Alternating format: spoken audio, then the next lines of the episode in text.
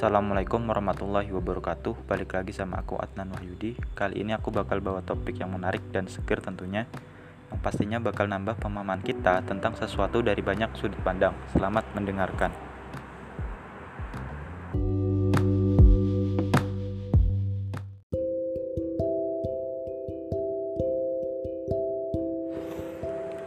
Bulan penuh ikhlas Benarkah puasa akan berbuah ikhlas? Apakah ikhlas itu?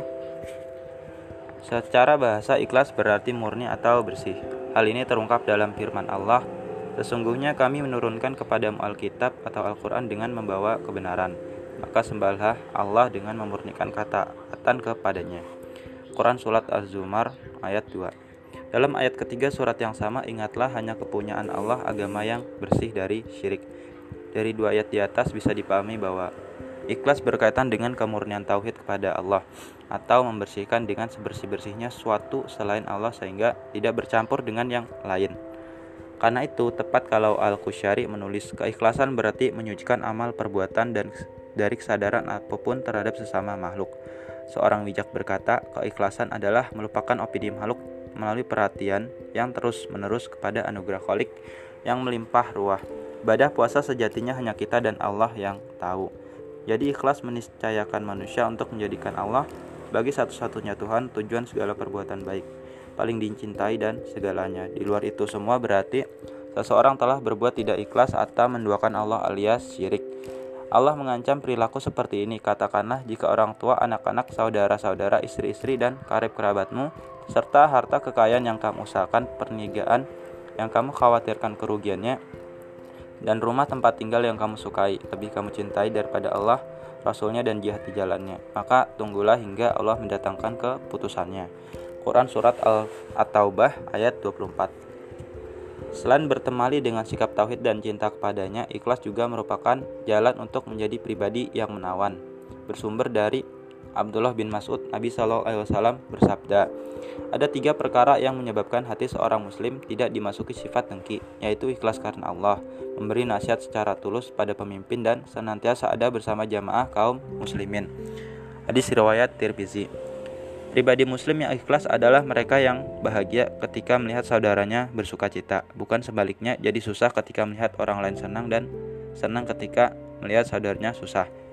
Secara sangat mendalam, Dunun al-Misri berkata ada tiga orang yang dikatakan telah sampai pada derajat ikhlas, yaitu manakala ia memandang sama saja antara pujian dan celaan, tidak menyadari kalau ia sedang mengerjakan kebaikan dan melupakan haknya untuk mendapat pahala akhirat kendati telah berbuat baik. Perilaku di atas kontras dengan sikap ria di mana Ali bin Abi Thalib pernah mengindikasikan bahwa tanda-tanda ria adalah malas beramal ketika sendirian. Baliknya giat beran mal ketika ada di tengah-tengah orang ramai. Bahkan ia menambah amalnya ketika dirinya dipuji dan dicela ketika ia frustasi tidak mau beramal. Ria atau ingin dipandang secara meriah, megah, dan segalanya oleh sama makhluk adalah bahaya besar, tapi sulit untuk diidentifikasi. Karenanya, banyak orang yang tidak sadar dan tidak melakukan terapi terhadap penyakit ria. Padahal penyakit hati itu kerap kali menjadikan manusia terbelenggu atau terjajah karena mengharap sesuatu dari orang lain yang tidak semua bisa tercapai. Bila demikian, orang yang ria tidak akan dapat apa-apa yang diusahakannya, baik kemegahan dunia maupun akhirat.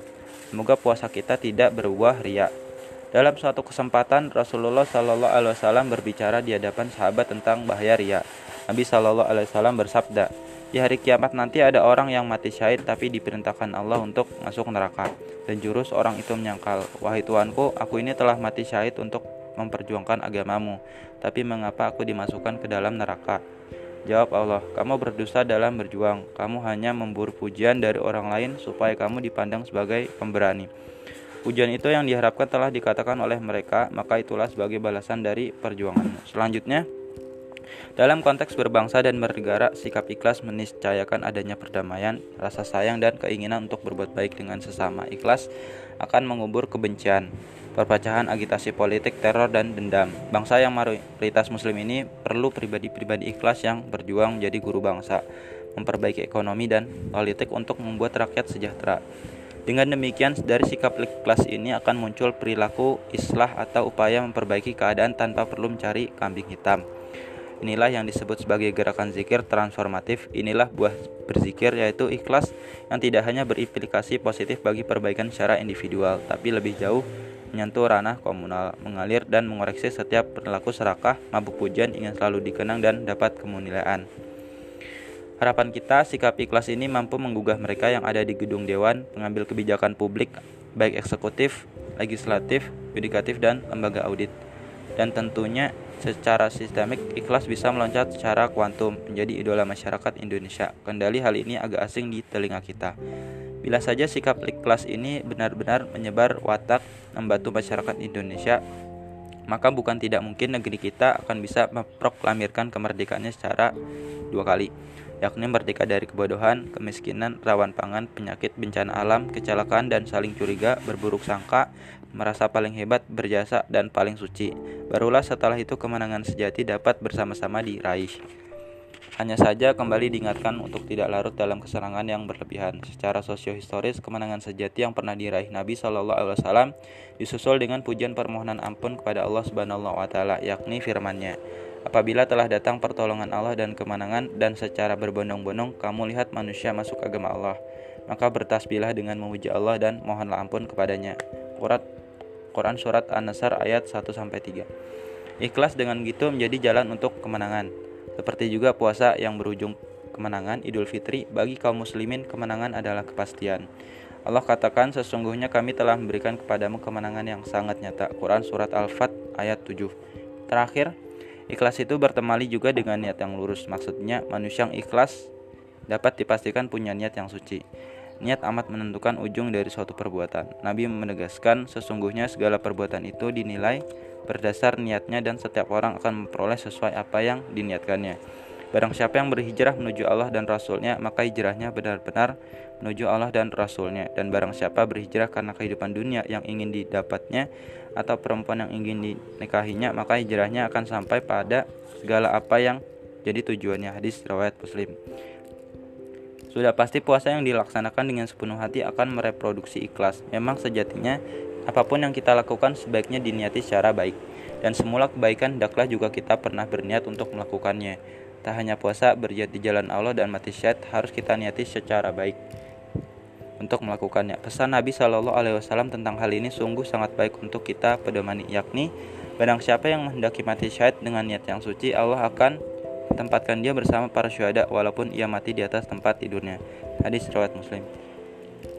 Siapa saja hendaknya bersikap ikhlas dan menorehkan yang suci dalam segala aktivitasnya, baik dalam bidang politik, ekonomi, sosial, dakwah Islamiyah, mengelola pendidikan, berkesenian, melestarikan kebudayaan dan sebagainya. Akhirnya punya alasan yang sangat jelas dan menjadi lebih jelas lagi wejangan Allah berikut ini. Barang siapa yang menghendaki keuntungan di akhirat akan kami tambah keuntungan baginya di dunia dan barang siapa yang menghendaki keuntungan di dunia kami berikan padanya sebagian dari keuntungan di dunia dan tidak ada baginya satu bagian pun di akhirat. Quran Asy-Syura ayat 42. Di hari ketiga Ramadan, mari kita tanyakan apakah kita jadi pribadi yang kian ikhlas